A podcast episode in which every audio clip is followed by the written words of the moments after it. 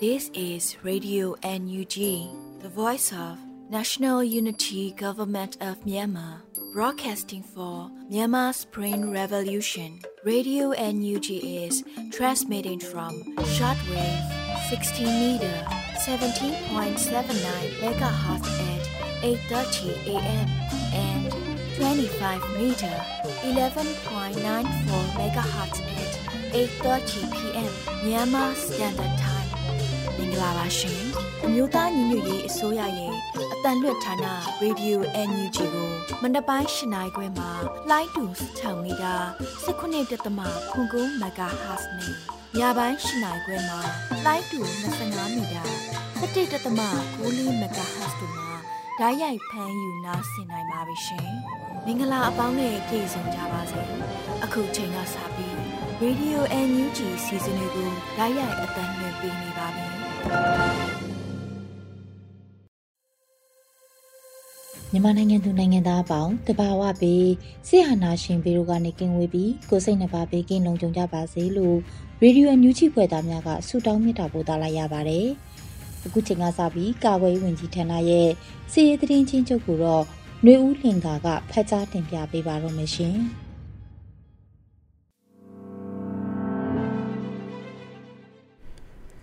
ကာကွယ်ဝင်ကြီးဌာနအမျိုးသားညီညွတ်ရေးဆိုရမှဖေဖော်ဝါရီလ26ရက်နေ့2023ခုနှစ်ထုတ်ဝေတဲ့စီရေးသတင်းချင်းချုပ်ကိုတင်ဆက်ပေးတော့မှာဖြစ်ပါတယ်။ရန်သူတပ်သား18ဦးသေဆုံးပြီး10ဦးဒဏ်ရာရရှိခဲ့ကြောင်းသတင်းရရှိပါရခင်ဗျာ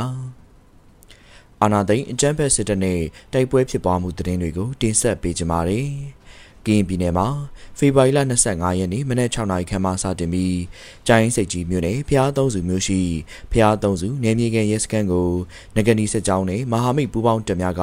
စတင်တိုက်ခိုက်ခဲ့ပါတယ်။ တိုက်ပွဲစတင်ဖြစ်ပွားပြီးမကြာမီဖျားသုံးစုမျိုးအတွင်းမှာရန်သူတပ်ရဲ့ကြိုင်းစိတ်ကြီးခြေဆိုင်ခလာယာ284ကော့ဂရိတ်ခြေဆိုင်ခလာယာ69တပ်များမှထုံနှုံအင်အား30ခန့်ကတိုက်ပွဲဖြစ်ပွားရာနေရာသို့စစ်ကူလာရောက်ခဲ့တဲ့အတွက်ကြောင့်မဟာမိတ်ပူးပေါင်းတပ်များနဲ့မနက်9နာရီခန့်မှာထပ်မံတိုက်ပွဲဖြစ်ပွားခဲ့ပါတယ်။မနက်၈နာရီခန့်မှာ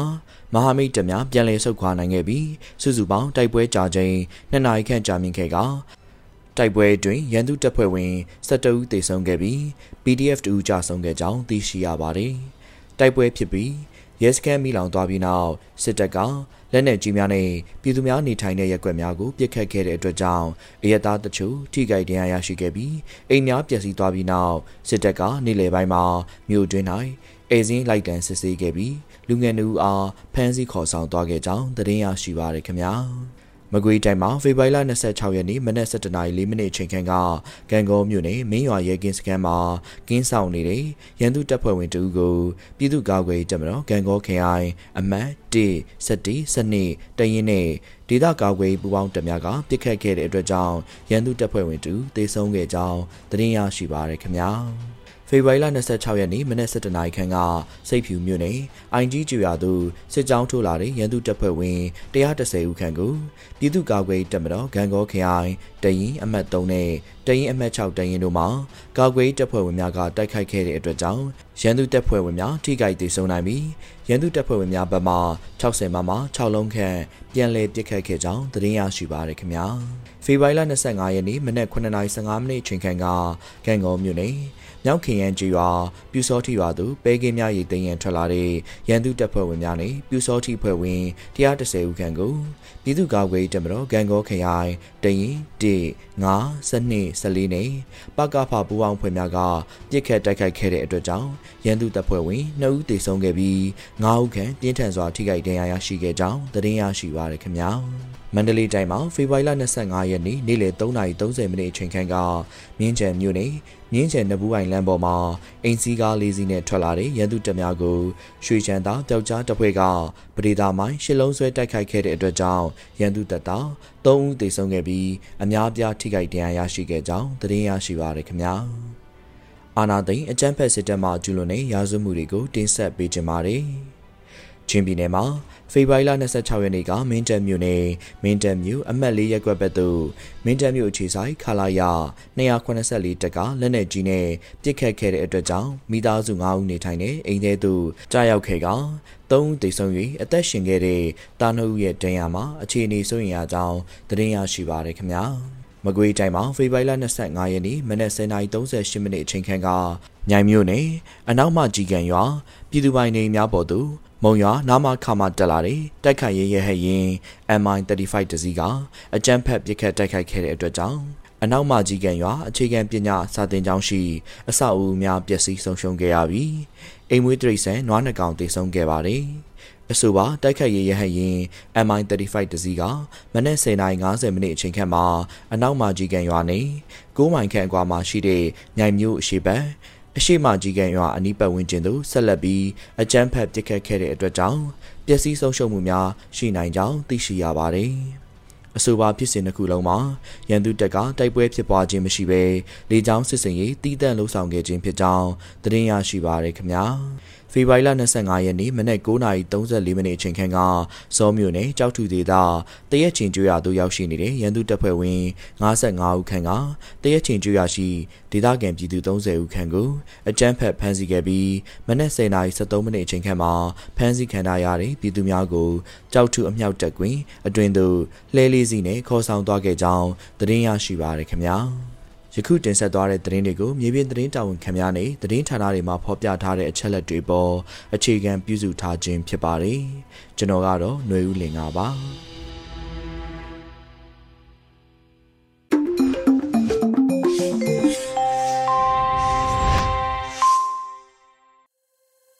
ရေဒီယိုညူချီရဲ့မနက်ခင်းစီစဉ်တွေကိုဆက်လက်အသံလွှင့်ပေးနေပါတယ်။အခုဆက်လက်ပြီး နောက်ဆုံးရသတင်းများကိုလွေဦးမွန်ကဖတ်ကြားတင်ပြပေးပါရမရှင်။မင်္ဂလာပါရှင်။2023ခုနှစ်ဖေဖော်ဝါရီလ29ရက်နေ့ Radio NUG ပြည်တွင်သတင်းတွေကိုတင်ပြပေးသွားမှာဖြစ်ပါတယ်။ကျွန်မကတော့လွေဦးမွန်ပါ။ပြည်တွင်းပြည်ပစီရီယံများအနေနဲ့အခက်အခဲရှိမှုများရှိပါကရဲရဲဝံ့ဝံ့တင်ပြပေးကြဖို့ဝန်ကြီးချုပ်ပြောကြားတဲ့အကြောင်းအရာကိုတင်ပြပေးကြပါမယ်။ ပြည်တွင်ပြည်ပစီရီယံများအနေနဲ့အခက်ခဲရှိမှုများရှိပါကရဲရဲဝံ့ဝံ့တင်ပြပေးကြဖို့စီရီယံအောင်မြေကော်မတီအစည်းအဝေးမှာပြည်ထောင်စုဝန်ကြီးချုပ်မန်ဝင်းခိုင်တန်းကပြောကြားလိုက်ပါတယ်ပြီးခဲ့တဲ့နှစ်နှစ်တာအတွင်းမှာကျွန်တော်တို့စီရီယံအောင်မြင်ကော်မတီဟာတက်ဆွမ်းသမျှစီရီယံမာတွေရဲ့လိုအပ်ချက်များအသက်များကိုနားထောင်ပြီးစီရီယံဆိုင်ရာအထောက်ပံ့ကူညီရေးစီစဉ်များလုံခြုံရေးလူမှုရေးလေ့လာသင်ယူမှုမရတန့်စေရေးစီမံကိန်းများစိတ်ပိုင်းရုပ်ပိုင်းဆိုင်ရာအားဖြင့်ကူညီပေးရေးအစီအစဉ်များကိုကျွန်တော်ကိုယ်တိုင်လမ်းညွှန်ဦးဆောင်မှုပေးပြီး ဝန်ကြီးဌာနအသီးသီးနဲ့မိဖက်အဖွဲ့များမှလုပ်ငန်းများဖော်ဆောင်ဆောင်ရွက်ပေးခဲ့ကြပါတယ်။မိတို့ပင်ဖြစ်စေလိုအပ်ချက်များအကန့်အသတ်များကတော့ရှိနေမှာမလွဲပင်ဖြစ်ပါတယ်ပြည်တွင်းပြည်ပစီရီယံများအနေနဲ့မိမိရဲ့အခက်အခဲရှိမှုများရှိပါကလည်းကျွန်တော်တို့ရဲ့သက်ဆိုင်ရာ focus များအနေနဲ့ရရဲဝံ့ဝံ့တင်ပြပေးကြပါလို့ဆိုပါတယ်။ဒါအပြင်စီရီယံမွေးနှဲများလိုအပ်ချက်များကိုရေးကြည့်ရင်ကြီးတယ်လို့တက်ဆွမ်းတဲ့ဘက်ကကူညီလှုံ့ဆော်ပေးကြဖို့ကိုလည်းလမ်းညွှန်မှာကြားပြင်ဆင်ထားတယ်လို့ဝန်ကြီးချုပ်ကထပ်လောင်းဆိုပါတယ်ရှင်။ ဒေါ်လာရဲ့အဆုံးသက်အမြန်ဆုံးသွားနိုင်ရေးအားလုံးရဲ့အင်အားတွေနဲ့အတူချီတက်ကြရမှာဖြစ်တယ်လို့ပြည်ထောင်စုဝန်ကြီးချုပ်ပြောဆိုတဲ့အကြောင်းအရာကိုလည်းတင်ပြပေးပါမယ်။တော်လိုင်းရဲ့အဆုံးသက်အမြန်ဆုံးသွားနိုင်ရင်အားလုံးရဲ့အင်အားတွေနဲ့အတူချီတက်ကြရမှာဖြစ်တယ်လို့ဖေဖော်ဝါရီ26ရက်မှာကျင်းပတဲ့ပါဝင်လက်တွဲတနင်္လာရီအောင်ပွဲစရုပ်ထချိတ် fundraising ပွဲအခမ်းအနားမှာပြည်ထောင်စုဝန်ကြီးချုပ်မန်ဝင်းခိုင်တန်းကပြောပါတယ်။တော်လိုင်းရဲ့အဆုံးသက်အမြန်ဆုံးသွားနိုင်ရင်အားလုံးရဲ့အင်အားတွေနဲ့အတူချီတက်ကြရမှာဖြစ်ပါတယ်။ ဒါအပြင်အာနာရှင်ကိုတွန်းလှန်ရေးနှွေဦးတော်လှန်ရေးအတွက်အသက်ပေးသွားကြတဲ့ကာကွယ်ရေးတပ်ဖွဲ့ဝင်အာဇာနည်များကိုဒီနေရာကပဲဂုဏ်ပြုအလေးပြုပါကြောင်းနဲ့အာဏာရှင်တွန်းလှန်ရေးနဲ့ဖက်ဒရယ်ဒီမိုကရေစီရေးအတွက်ဆက်လက်တိုက်ပွဲဝင်နေကြတဲ့ကျွန်တော်တို့ရဲဘော်တွေဘေးကင်းကင်းနဲ့အောင်ပွဲအလေးလေးစုခူးနိုင်ကြပါစေလို့ဝန်ကြီးချုပ်ကဆိုပါတယ်2021ခုနှစ်စက်တင်ဘာ9ရက်နေ့မှာပြည်သူ့ခုခံတွန်းလှန်စစ်များစတင်မှုမြို့သားညီညွတ်ရေးအစိုးရကကြေညာခဲ့ပါတယ်။လက်ရှိမှာ KNU KIA နဲ့အတူတော်လိုင်းရာစုများနဲ့ လူဦးတော်လိုင်းကို energy အစိုးရဟာဆင်နွှဲလျက်ရှိနေပါတယ်ရှင်။ကမ္ဘာ့ဗဏ္ဍာရေးစောင့်ကြည့်အဖွဲ့ FADF ကအမည်ပြက်စီးရင်သွင်းပြီးတရက်ထဲမှာပဲ NUG အစိုးရရဲ့ငွေစင်းအကောင့်လေးခုအပိတ်ခံခဲ့ရပြီးနှစ်ခုမှယနေ့ထက်တိုင်ဗန်နဲ့ဖြည့်ရှင်းနေရဆဲဖြစ်တယ်ဆိုတဲ့သတင်းကိုတင်ပြပေးပါမယ်။ကမ္ဘာဗန်နာရေးစောင့်ကြည့်အဖွဲ့ FADF ကအမည်ပြက်စီးရင်သွင်းပြီးတရက်ထဲမှာပဲ NUG အစိုးရရဲ့ငွေစင်းအကောင့်လေးခုအပိတ်ခံခဲ့ရပြီး နှစ်ခုမှယနေ့ထက်တိုင်ဗန်နဲ့ဖြည့်ရှင်းနေရဆဲဖြစ်တယ်လို့ဆိုပါတယ်။ဖေဖော်ဝါရီ25ရက် One Day Challenge နဲ့မြေပြင်အခင်းအကျင်းမေးမြန်းတွေ့ဆုံပွဲမှာစီမံဘဏ္ဍာဝန်ကြီးဦးတင်ထွန်းနိုင်ကပြောပါရယ် FATF ကအမြင့်ပြည့်စည်သွင်းပြီးနောက်တရက်ထဲမှာကိုပဲကျွန်တော်တို့အကောင့်လေးခုပိတ်ခံရပါတယ်။နောက်ထပ်အကောင့်တစ်ခုကလည်းဒီနေ့ဆိုလို့ရှိရင် KYC issue ခေါ်တယ်။ဒီနေ့ဒီချိန်ထိဖြည့်ရှင်းနေရပါတယ်။ပြောချင်တာနိုင်ငံတကာကတော်လိုင်းရမုံငွေတွေစီးဝင်လာတာမှာကျွန်တော်တို့က ပြည်ရင်းကကိုချေကိုလက်နဲ့ငွေကြေးရေးကိုမစီမံနိုင်ပါဘူးလို့ဆိုပါတယ်။ Energy အစိုးရရဲ့ငွေစင်းအကောင့်များဟာသက်ဆိုင်ရာဘဏ်လိုက်ဒီဇယ်ဥရိများရလိုက်နာနေရပြီးတော်လိုင်းအတွက်ငွေကြေးများကိုလှုပ်ရှားနေရတာဖြစ်တယ်လို့စီမံဘဏ္ဍာဝန်ကြီးကဆိုပါတယ်။ကမ္ဘာဗဏ္ဍာရေးဆောင်ရွက်ဖွဲ့ Financial Action Task Force FATF ကမြန်မာနိုင်ငံကိုအမည်ပြစီရင်ထည့်သွင်းလိုက်ကြောင်း2022ခုနှစ်အောက်တိုဘာလ22ရက်ညပိုင်းကကြေညာခဲ့တာဖြစ်ပါတယ်ရှင်။ UK နိုင်ငံရဲ့ Universal Jurisdiction ဥပဒေအရ အကြမ်းဖက်စစ်ကောင်ဆောင်များကိုတရားစွဲဆိုဖို့ဝန်ကြီးဒေါက်တာဆဆတိုက်တွန်းတဲ့သတင်းကိုလည်းတင်ပြပေးပါမယ်။ UK နိုင်ငံလန်ဒန်မြို့မှာကျင်းပတဲ့85ကြိမ်မြောက်ချင်းမြို့သားနေ့အခမ်းအနားသို့ဖေဖော်ဝါရီ25ရက်မှာမိန့်ခွန်းပြောကြားရမှာဝန်ကြီးကတိုက်တွန်းတောင်းဆိုလိုက်ပါတယ်။ UK နိုင်ငံရဲ့ Universal Jurisdiction ဥပဒေအရအကြမ်းဖက်စစ်ကောင်ဆောင်များကိုတရားစွဲပြီးသူတို့ကျူးလွန်ထားတဲ့လူခွင့်ရေးချိုးဖောက်ခြင်းအများအပြားလူမျိုးတုံးတပ်ဖြတ်ခြင်းနဲ့ဆရာစုများအလုံးအတွက်ဥပဒေရရေးယူပေးပြီးမြန်မာပြည်သူများတရားမျှတမှုရရှိစေရေးကိုလည်း ပူးပေါင်းဆောင်ရွက်ပေးနိုင်ရန်မြစ်တာရက်ခံလိုပါတယ်လို့ဝန်ကြီးကဆိုပါတယ်။ရေးကြီးဆုံးမှာ UK နိုင်ငံအနေနဲ့ NUG, NUCC, CRPH တို့ကိုမြန်မာနိုင်ငံ၏တရားဝင်ကိုစားပြုအစိုးရအဖွဲ့အစည်းများဖြင့်တိမှတ်ပြုပေးသည်သာမကမြန်မာနိုင်ငံနဲ့ပတ်သက်လာရင် NUG နဲ့တရားဝင်ပူးပေါင်းပြီးဆောင်ရွက်ပေးနိုင်ရလဲဝန်ကြီးကတောင်းဆိုထားပါတယ်ရှင်။ဖရဒတရားစီရေးစနစ်နဲ့ကိုင်ညီတော့တရားရုံးများပြင်ဆင်နေပြီလို့တရားရေးဝန်ကြီးအသိပေးတဲ့တဲ့ရင်ကိုတင်ပြပေးပါမယ်။ ဖေဖော်ဝါရီ26ရက်ဂျာကာလပြည်သူတရားစီရင်ဖော်ဆောင်မှုကော်မတီအစည်းအဝေးနှင်းမြင့်ဆောင်2023မှာဖရဒတရားစီရေးစနစ်နဲ့ကိုင်ညီတော့တရားရုံးများပြင်ဆင်နေပြီလို့တရားရေးဝန်ကြီးဦးသိန်းဦးကအသိပေးဆိုပါတယ်။မြေပြင်တရားစီရင်အတွက်တင်နန်းများထဲထဲဝင်ဝင်ဆက်လက်ဆောင်ရွက်သွားမည်ဖြစ်ကြောင်းဖရတရားစီရင်စနစ်နဲ့ကိုင်ညီသောတရားရုံးများအတွက်ပြင်ဆင်နေပြီဖြစ်ကြောင်းဆိုခဲ့ပါတယ်။ဂျာကာလပြည်သူတရားစီရင်ဖော်ဆောင်မှုကော်မတီအစည်းအဝေးသို့ကော်မတီဥက္ကဋ္ဌပြည်ထောင်စုဝန်ကြီးချုပ်မန်ဝင်းခိုင်တန်ဒုတိယဥက္ကဋ္ဌ1 CRPH ဥက္ကဋ္ဌဦးအောင်ကြည်ညွတ်ဒုတိယဥက္ကဋ္ဌ2တရားရေးဝန်ကြီးဌာနပြည်ထောင်စုဝန်ကြီးဦးသိန်းဦးပြည်ထောင်နဲ့လူမှုကြီးကြပ်ရေးဝန်ကြီးဌာနပြည်ထောင်စုဝန်ကြီးဦးလွင်ကိုလက်ပြည်ထောင်နဲ့လူမှုကြီးကြပ်ရေးဝန်ကြီးဌာနဒုတိယဝန်ကြီးခုထဲဘူးလူခွေရေးဆိုင်ဝန်ကြီးဌာနဒုတိယဝန်ကြီးခွန်ပဟန်းထံဖရယ်ပြည်ထောင်စုရေးရာဝန်ကြီးဌာနဒုတိယဝန်ကြီးဦးချစ်ထွန်းနဲ့အခြားဌာနဆိုင်ရာတာဝန်ရှိသူများနဲ့ဖိတ်ကြားထားသူများတက်ရောက်ခဲ့ကြပါရရှင်။ အမေရိကန်ပြည်ထောင်စုဝါရှင်တန် DC မှာတိုင်းသားချို့နဲ့တွဲဆုံဆွေးနွေးခဲ့တယ်လို့ပြည်ထောင်စုဝန်ကြီးဦးထင်လင်းအောင်အသိပေးတဲ့သတင်းကိုလည်းတင်ပြပေးပါမယ်။အမေရိကန်ပြည်ထောင်စုဝါရှင်တန် DC မှာတိုင်းသားချို့နဲ့တွဲဆုံဆွေးနွေးခဲ့တယ်လို့ပြည်ထောင်စုဝန်ကြီးဦးထင်လင်းအောင်ကအသိပေးခဲ့ပါတယ်။ဖေဖော်ဝါရီ26ရက်မှာဆက်သွယ်ရေးသတင်းချက်လက်နဲ့ဤပညာဝန်ကြီးဌာနပြည်ထောင်စုဝန်ကြီးဦးထင်လင်းအောင်ကဆိုပါတယ်။ Multi Ethnic Match အဖြစ်တိုင်းရင်းသားအချို့နဲ့တွဲဆုံဆွေးနွေးခဲ့ပါတယ်လို့ဆိုပါတယ်။ ပြီးခဲ့တဲ့ရက်ပိုင်းကလည်း US Capital မှာတာဝန်ရှိသူချို့နဲ့ဆက်သွယ်ရေးသတင်းချက်လက်နဲ့ဤပညာဝန်ကြီးဌာနပြည်ထောင်စုဝန်ကြီးဟာတွဲဆုံခဲ့ပါသေးတယ်ရှင်။မြို့သားညီညွတ်ရေးအစိုးရဂျာကာလာဒေသန္တရပြည်သူ့အချုပ်ရေးဖော်ဆောင်မှုဗဟိုကော်မတီနဲ့တနင်္သာရီတိုင်း AR တိုင်းပဲခူးတိုင်းပြည်သူ့အချုပ်ရေးဖွဲ့များတွဲဆုံဆွေးနွေးတဲ့တဲ့ရင်ကိုဆက်လက်တင်ပြပေးပါမယ်။မြို့သားညီညွတ်ရေးအစိုးရဂျာကာလဒေသနာပြည်သူ့အုပ်ချုပ်ရေးဖော်ဆောင်မှုဗဟိုကော်မတီနဲ့တနင်္သာရီတိုင်း AR တိုင်း ပဲခူးတိုင်းပြည်သူ့အုပ်ချုပ်ရေးအဖွဲ့များတွဲဆုံဆွေးနွေးတဲ့အစည်းအဝေးကိုမြင့်ဆောင်2023ကိုဖေဖော်ဝါရီလ26ရက်မှာကျင်းပခဲ့ပါတယ်။အစည်းအဝေးမှာဂျာကာလဒေသနာပြည်သူ့အုပ်ချုပ်ရေးဖော်ဆောင်မှုဗဟိုကော်မတီထွေထွေတွင်းရမှု1ပြည်ထောင်နဲ့လူမှုကြီးကြပ်ဝန်ကြီးဌာနဒုတိယဝန်ကြီးခုထဲဘူးမှာဖွင့်မစကားပြောကြားခဲ့ပါတယ်။ဆက်လက်ပြီးကာကွယ်ဝန်ကြီးဌာန၏တာဝန်ရှိသူတို့မှဌာနနဲ့သက်ဆိုင်သူများကိုရှင်းလင်းပြောကြားခဲ့ပြီးနောက်မြို့နယ်ပြည်သူ့အုပ်ချုပ်ရေးဖွဲ့ဝင်များမှမူဝါဒလမ်းညွှန်ချက်များလုပ်ငန်းဆောင်ရွက်ချက်များ မြေပြင်ခက်ခဲများနဲ့ပတ်သက်ပြီးသိရှိလိုသည့်များကိုအပြန်အလှန်ဆွေးနွေးခဲ့ကြပါတယ်။တွဲဆုံပွဲသို့ဒုတိယဝန်ကြီးခုထဲဘူးမှဦးဆောင်ကအမြဲတမ်းတွင်းများတွဲဘက်အတွင်းများဌာနဆိုင်ရာများမှတာဝန်ရှိသူများနဲ့တနင်္သာရီတိုင်း AR တိုင်းပဲခူးတိုင်းမှပြည်သူ့အချို့ရေးဖွဲ့ဝင်များတက်ရောက်ခဲ့ကြပါတယ်ရှင်။တနစ်စာအသုံးပြုက9000ကျပ်ထက်နဲ့ငွေလွှဲကပေးစရာမလိုပဲကြိုက်တယ်လို့ငွေလွှဲငွေထုတ်နိုင်မဲ့ energy ဘေးကောက်များဖွင့်နိုင်ပြီလို့ဆိုတဲ့သတင်းကိုလည်းတင်ပြပေးကြပါမယ်။တနစ်စာအသုံးပြုက9000ကျပ်ထက်နဲ့ ငွေလွှဲကပေးစရာမလိုပဲကြိုက်တယ်လို့ငွေလဲငွေထုတ်နိုင်မဲ့ energy ဘေးကောက်များဖွင့်နိုင်ပြီလို့ energy ဘေးက February 26ရက်မှာအသိပေးဆိုပါတယ်။သုံးလို့လဲလွှဲရမယ်လုံခြုံမှုလည်းရှိရမယ်ဒီလိုအပ်ချက်တွေအတွက်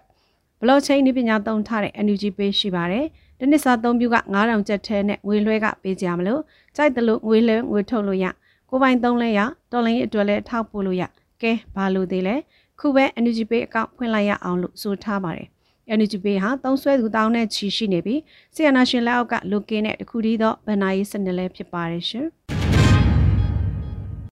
ဖြူးမြို့နယ်တွင်လူအိမ်မှစက်ကြေးယူပြီးပြန်လာတဲ့စစ်ကောင်စီလက်အောက်ခံရဲတပ်ဖွဲ့ဝင်များအားနန်းထိုင်အောင်စစ်စင်ရေးဖြစ်တိုက်ခိုက်ရာနေရင်းနဲ့ရဲသုံးဦးထိခိုက်တဲ့တဲ့ရင်ကိုတင်ပြပေးပါမယ်။ဖေဖော်ဝါရီ26ရက်မွန်းတက်12နာရီခန့်မှာကညွကွေးမြို့ရှေ့ဘက်ကင်ကြီးရွာနဲ့တရကုန်းရွာကြားမှာဖြူးမြို့နဲ့ပကဖမှ ဗိုလ်ကြားကြီးဦးဆောင်သောအဖွဲ့ကနန်းထိုက်အောင်စစ်စင်ရေးဖြင့်မိုင်းဆွဲပြီးပစ်ခတ်တိုက်ခိုက်ခဲ့တာလို့ဆိုပါတယ်။ဖျားလဟာချေရွာမှာကျမစစ်ကောင်စီကအုပ်ချုပ်ရေးမှူးက၎င်းရဲ့အလူအားလုံခြုံရေးယူပေးရန်စစ်ကောင်စီတပ်ဖွဲ့ဝင်များအားနှစ်သိန်းကျပ်ရဲတပ်ဖွဲ့ဝင်များအားတသိန်းကျပ်စက်ကြေးပေးသွင်းကရဟရင်ခဲ့ပြီးထို့သောလူအိမ်မှစက်ကြေးယူပြီးပြန်လာသောစစ်ကောင်စီလက်အောက်ခံရဲတပ်ဖွဲ့ဝင်များအားဖြူမြို့နယ်ပကဖဗိုလ်ကြားကြီးဖွဲ့ကစောင့်ကြိုတိုက်ခိုက်ခဲ့ခြင်းဖြစ်တယ်လို့ဘကူ PDF ကဖော်ပြပါတယ်။ ဆိုပါစစ်စင်ရေးတွင်မိုင်းဆွဲတိုက်ခိုက်ပြီးနောက်တိုက်ပွဲငယ်တစ်ခုဖြစ်အပြန်အလှန်ပစ်ခတ်ခဲ့ပြီးအချိန်အနည်းငယ်ကြာမြင့်ခဲ့ပါတယ်။၎င်းတိုက်ခိုက်မှုကြောင့်ဂျမ်ဘတ်စစ်ကောင်စီလက်အောက်ခံရဲတပ်ဖွဲ့ဖက်မှနေရင်းတန့်စရာမှာဦးကောင်းကြီးထိမှန်၍ရေးပေါ်အတွင်းလူနာစိုးရင်ရဖြင့်နေပြည်တော်စေယုံတို့ပို့ဆောင်ခဲ့ရပြီးရဲတပ်ဖွဲ့ဝင်3ဦးလည်းတရားရရှိခဲ့ပါတယ်ရှင်။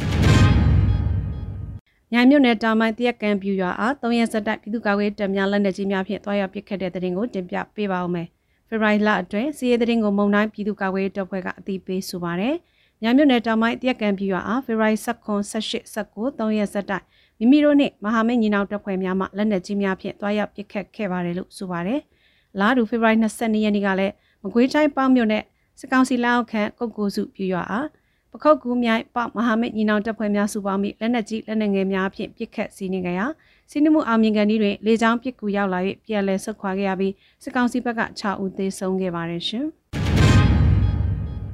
CDF ဟာကာတန်စစ်ကောင်စီရဲ့တက်ကြက်တူလက်နက်နဲ့အတူလင်းဝင်ခိုလုံလာ၍ငွေကျပ်330ချီမြပြီးလုံခြုံတဲ့နေရာသို့ပို့ဆောင်တဲ့တရင်ကိုတင်ပြပေးပါမယ်။ CDF ဟာကာတန်တို့စစ်ကောင်စီရဲ့တက်ကြက်တူလက်နက်နဲ့အတူလင်းဝင်ခိုလုံလာ၍ငွေကျပ်330ချီမြပြီးလုံခြုံတဲ့နေရာကိုပို့ဆောင်ခဲ့တယ်လို့ဖေဖော်ဝါရီ26ရက်မှာ CDF ဟာကာကသတင်းထုတ်ပြန်ပါတယ်။ ချင်းပြည်နယ်ဟာကာမြို့နယ်ခြေဆိုင်စစ်ကောင်စီရဲတက်ကြက်တူဟာလက်နက်များနဲ့အတူစီရီယာဟာခါတပ်ဖွဲ့ထံဖေဖော်ဝါရီ25ရက်ကလင်းဝင်လာတယ်လို့စီရီယာဟာခါကဖော်ပြပါတယ်။စကောင်စီရဲတက်ချက်ဟာ၎င်းနဲ့အတူ G3 တနက်တလက် G8 လေးခုကြီးစက်အနေငယ်နဲ့အတူအလင်းဝင်လာပါတယ်။၎င်းကိုစီရီယာဟာခါတပ်ဖွဲ့က330စုချီမြင်ပြီးနောက်လုံခြုံတဲ့နေရာသို့ပို့ဆောင်ခဲ့တယ်လို့ဆိုပါတယ်ရှင်။ခုတင်ပြခဲ့တဲ့သတင်းတွေကို Radio NUG သတင်းတောက်မင်းမင်းကပေးပို့ထားတာပဲဖြစ်ပါတယ်ရှင်။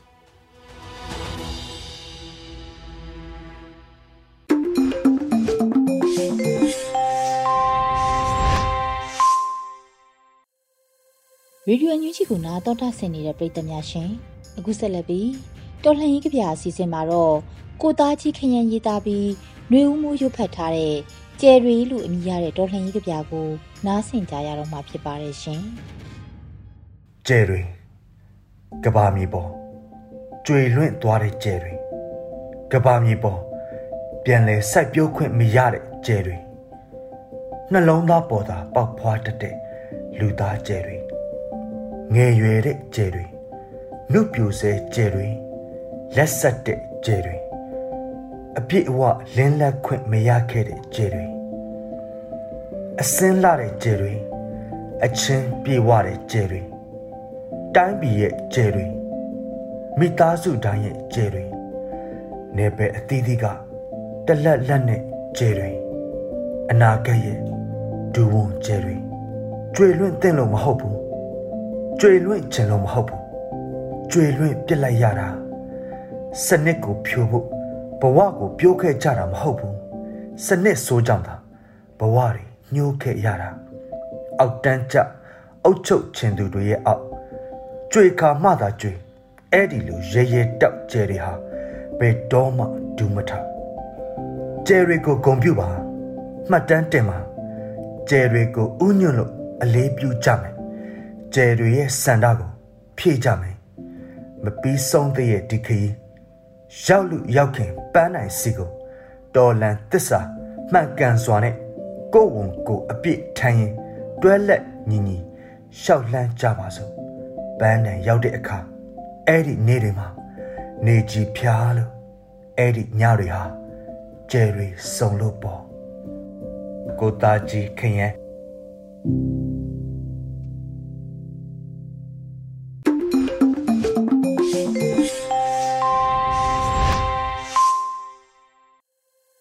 ရေဒီယိုညူချီရဲ့မနက်ခင်းစီစဉ်တွေကိုဆက်လက်တင်ပြနေပါတယ်။အခုဆက်လက်ပြီး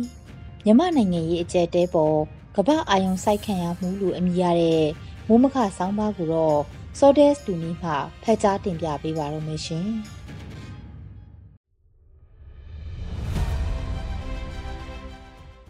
မြန်မာနိုင်ငံရေးအကြက်တဲပေါ်ကဘာကအာယုံစိုက်ခံရမှုအမည်ရတယ်မြန်မာ့ຫນွေခရိုနီကယ်ဖေဖော်ဝါရီ25မြင်ကွင်းမိုးမခအဆောင်ပါကိုစတင်ဖတ်ကြားပေးပါမယ် 2021ခုနှစ်မြန်မာနိုင်ငံရေးအကြက်တဲစတင်ဖြစ်ပွားစဉ်ကကဘာမှာမြန်မာအရေးကအာယုံစိုက်ခံရဆုံးအရေးထားစရာအခြားနိုင်ငံတွေအနေနဲ့ဝိုင်းဝန်းကူညီဖြေရှင်းကြဖို့စိတ်ဝင်စားခံရတဲ့နိုင်ငံရေးပြဿနာတရက်အဖြစ်တည်ရှိခဲ့ပါတယ်။ဒီမိုကရေစီအသွင်ကူးပြောင်းရေးကိုဆယ်စုနှစ်တခုကြာဖျက်ဆီးခဲ့တဲ့နိုင်ငံကစစ်အာဏာသိမ်းမှုစီပြန်လည်ကျဆင်းသွားတဲ့အဖြစ်အပျက်ကိုမြန်မာနိုင်ငံလူထုကတခဲနဲ့စန့်ကျင်ဆန္ဒပြမှုတွေစစ်အာဏာသိမ်းမှုကိုလက်မခံကြတဲ့မြန်မာနိုင်ငံက တိမ့်တန်းချီတဲ့လူထုရဲ့ဆန္ဒကိုကဘာကအသိမှတ်ပြုပြီးအားပေးခဲ့ကြတာတွေတွေ့ရမှာဖြစ်ပါတယ်။နိုင်ငံတကာအဖွဲ့အစည်းတွေအနေနဲ့ကုလသမဂ္ဂအာဆီယံတို့ကိုမြန်မာနိုင်ငံရေးအကြက်အတဲကြားဝင်ရောက်ဖြည့်ရှင်းဖို့အခြားသောနိုင်ငံတွေကဝိုင်းဝန်းတိုက်တွန်းခဲ့ကြတာဖြစ်ပါတယ်။2021ခုနှစ်ဖေဖော်ဝါရီကနေ2022ခုနှစ်ဖေဖော်ဝါရီလအထိမြမအရေးမြန်ဆန်စွာရက်လက်ထွက်ပေါ်လာအောင်အာဆီယံကအထူးတန်တမန်ကုလသမဂ္ဂရဲ့အထူးတန်တမန်စတာတွေခန့်အပ်တာဝန်ပေးကြပြီး မြန်မာနိုင်ငံရေးပြဿနာကိုဖြေရှင်းနိုင်ဖို့ကြိုးစားခဲ့ကြသလိုမြန်မာနိုင်ငံအတွင်းဖြစ်ပွားနေတဲ့လက်နက်ကင်ပဋိပက္ခတွေကြောင့်အိန္ဒိချင်းနိုင်ငံတွေရဲ့အရှိတောင်အာရှဒေသတွင်နိုင်ငံတွေကိုဒုက္ခသည်တွေဝင်ရောက်လာနိုင်ခြေနေဆက်ကိုကြော်ဖြတ်ပြီးစစ်ပွဲရဲ့အကျိုးဆက်တွေတက်ရောက်ကူးဆက်လာနိုင်ခြေရှိတာတွေကိုအရှိတောင်အာရှနိုင်ငံကအစိုးရတွေအနေနဲ့စိုးရိမ်ပူပန်ကြတာဖြစ်ပါတယ်။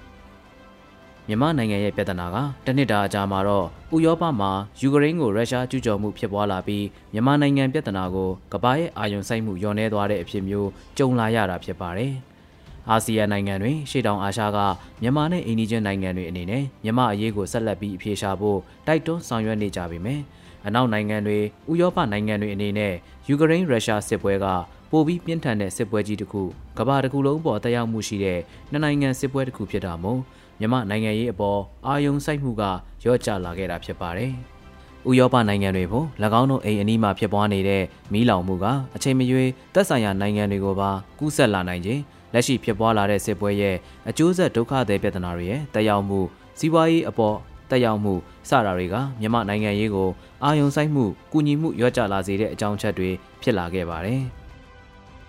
အမေရိကန်နိုင်ငံအနေနဲ့လည်းယူကရိန်းရုရှားစစ်ပွဲမှာတက်ကြွစွာပါဝင်လှုပ်ဆောင်နေရပြီးမြန်မာအရေးကအနောက်ကိုရောက်ခဲ့ရတဲ့အခြေအနေလည်းဖြစ်ပါတယ်။ယူကရိန်းရုရှားစစ်ပွဲတစ်နှစ်ပြည့်ပြီးနောက်၎င်းတို့စစ်ပွဲကနေချင်းညချင်းပြီးဆုံးမဲ့အရေးအယောင်မတွေ့သေးသလိုမြမအရေးကလည်းလက်နက်ကင်တိုက်ပွဲတွေနိုင်ငံရဲ့နေရာအနှံ့အပြားမှာဆက်လက်ဖြစ်ပွားနေစေခုခံတိုက်ခိုက်နေကြဆဲဖြစ်ပါတယ်။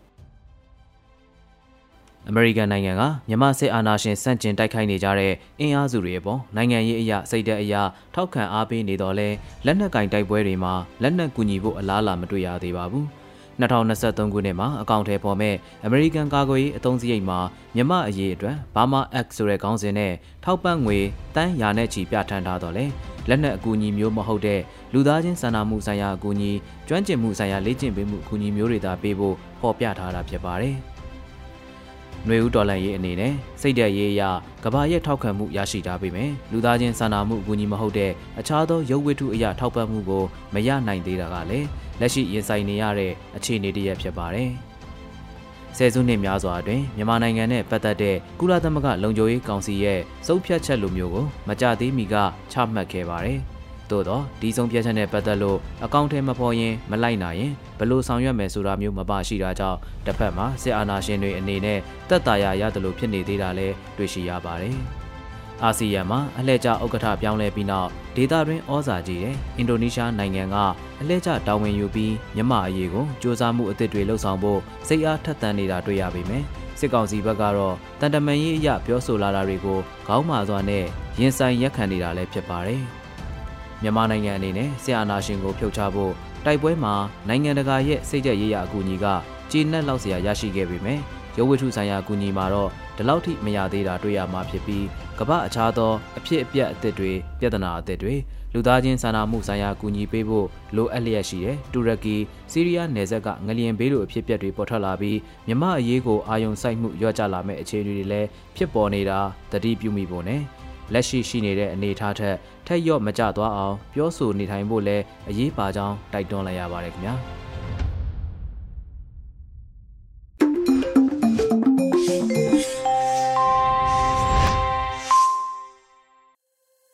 ရေဒီယိုညူချီမှာဆက်လက်တင်ပြနေပါတယ်။အခုဆက်လက်ပြီးနားဆင်ကြရမှာကတော့ပြည်သူခုခံစစ်တရင်များဖြစ်ပါတယ်။ကျော်နေဦးကဖတ်ကြားတင်ပြပေးပါမယ်ရှင်။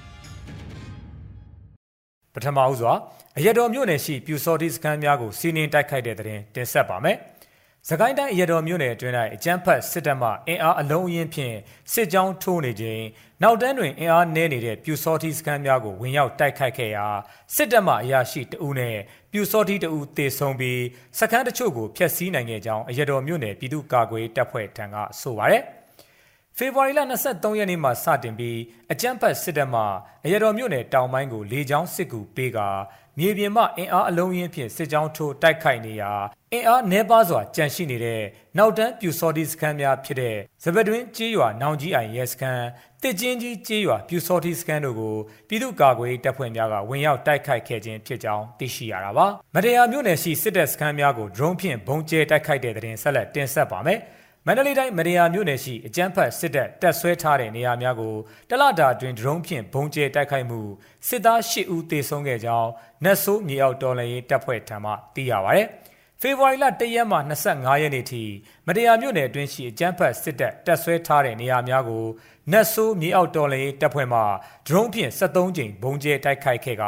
စစ်သား၈ဦးသေဆုံးပြီးအများအပြားထိခိုက်ဒဏ်ရာရရှိခဲ့ကြောင်းသိရတာပါ။ဆက်လက်ပြီး မြင်းကြံမှာအိမ်စီးကားဖြင့်ထွက်လာတဲ့စစ်သားများမိုင်းဆွဲတိုက်ခိုက်ခံရတဲ့တဲ့တင်တင်ဆက်မှာပါမန္တလေးတိုင်းမြင်းကြံမြို့နယ်မြင်းကြံနဘူးအိုင်လမ်းပေါ်မှာအိမ်စီးကားဖြင့်ထွက်လာတဲ့အကြမ်းဖက်စစ်သားများကိုမိုင်းဆွဲတိုက်ခိုက်ခဲ့ရာစစ်သား3ဦးသေဆုံးခဲ့ကြောင်းရွှေချန်သားပျောက်ကြားတပ်ဖွဲ့ကဆိုပါတယ်။ ယမနေ့ဖေဖော်ဝါရီလ25ရက်ညနေ3နာရီခွဲခန့်ကနဘူးအိုင်ကြီးရွာမှမြင်းကြံမြို့သို့အိမ်စီးကား၄စီးဖြင့်ထွက်ခွာလာတဲ့အကြမ်းဖက်စစ်သားများကိုရွှေချန်သားပျောက်ကြားတပ်ဖွဲ့မြင်းကြံမြို့နယ်ပြည်သူ့ကာကွယ်တပ်ဖွဲ့ဝင်များကဗရေသာမိုင်းရှစ်လုံးဖြင့်ဖောက်ခွဲတိုက်ခိုက်ခဲ့ရာစစ်သား3ဦးသေဆုံးပြီးအများပြပြင်းထန်ဒဏ်ရာရရှိခဲ့ကြောင်းသိရတာပါနောက်ဆုံးအနေနဲ့မြင်းမှုနဲ့အရတော်ကြားထိတွေ့တိုက်ပွဲမှာစကစစစ်သား3ဦးသေဆုံးတဲ့တဲ့တင်တင်ဆက်မှာပါ။ စကိုင်းတိုင်းရတော်မြို့နယ်နဲ့မြင်းမှုမြို့နယ်အတွင်းရှိကျေးရွာများကိုလှည့်လည်စစ်ကြောင်းထိုးမိရှို့ဖျက်ဆီးနေတဲ့အကြမ်းဖက်စစ်ကြောင်းနှစ်ခုပြန်လည်ပေါင်းစုံစဉ်ပြည်သူ့ကာကွယ်တပ်ဖွဲ့များကတိုက်ခိုက်ခဲ့ရာစစ်သား3ဦးသေဆုံးခဲ့ကြောင်းတောင်တာ PDF ကဆိုပါတယ်။ ယမနေ့ဖေဖော်ဝါရီလ25ရက်နေ့က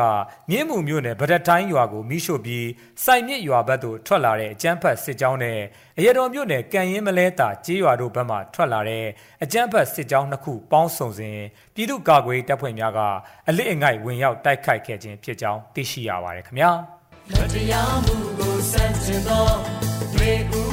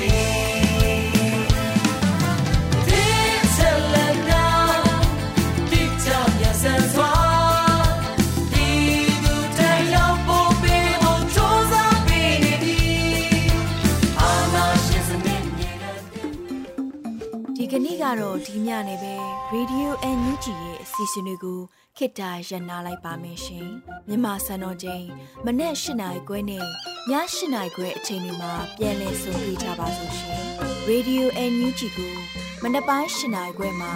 လိုင်းတူ16မီတာ19.7ခု9 MHz နဲ့ညပိုင်း၈နိုင်ခွဲမှာလိုင်းတူ25မီတာ17.6 MHz တို့မှာဓာတ်ရိုက်ဖမ်းယူနားဆင်နိုင်ပါပြီရှင်။ မြန်မာနိုင်ငံသူနိုင်ငံသားများကိုစိတ်နှဖျားစမ်းမချမ်းသာလို့ဘေးကင်းလုံခြုံကြပါစေလို့ Radio NUG ရဲ့ဖွဲ့သူဖွဲ့သားများကဆုတောင်းလိုက်ရပါတယ်။ San Francisco Bay Area အခြေစိုက်မြန်မာမိသားစုများ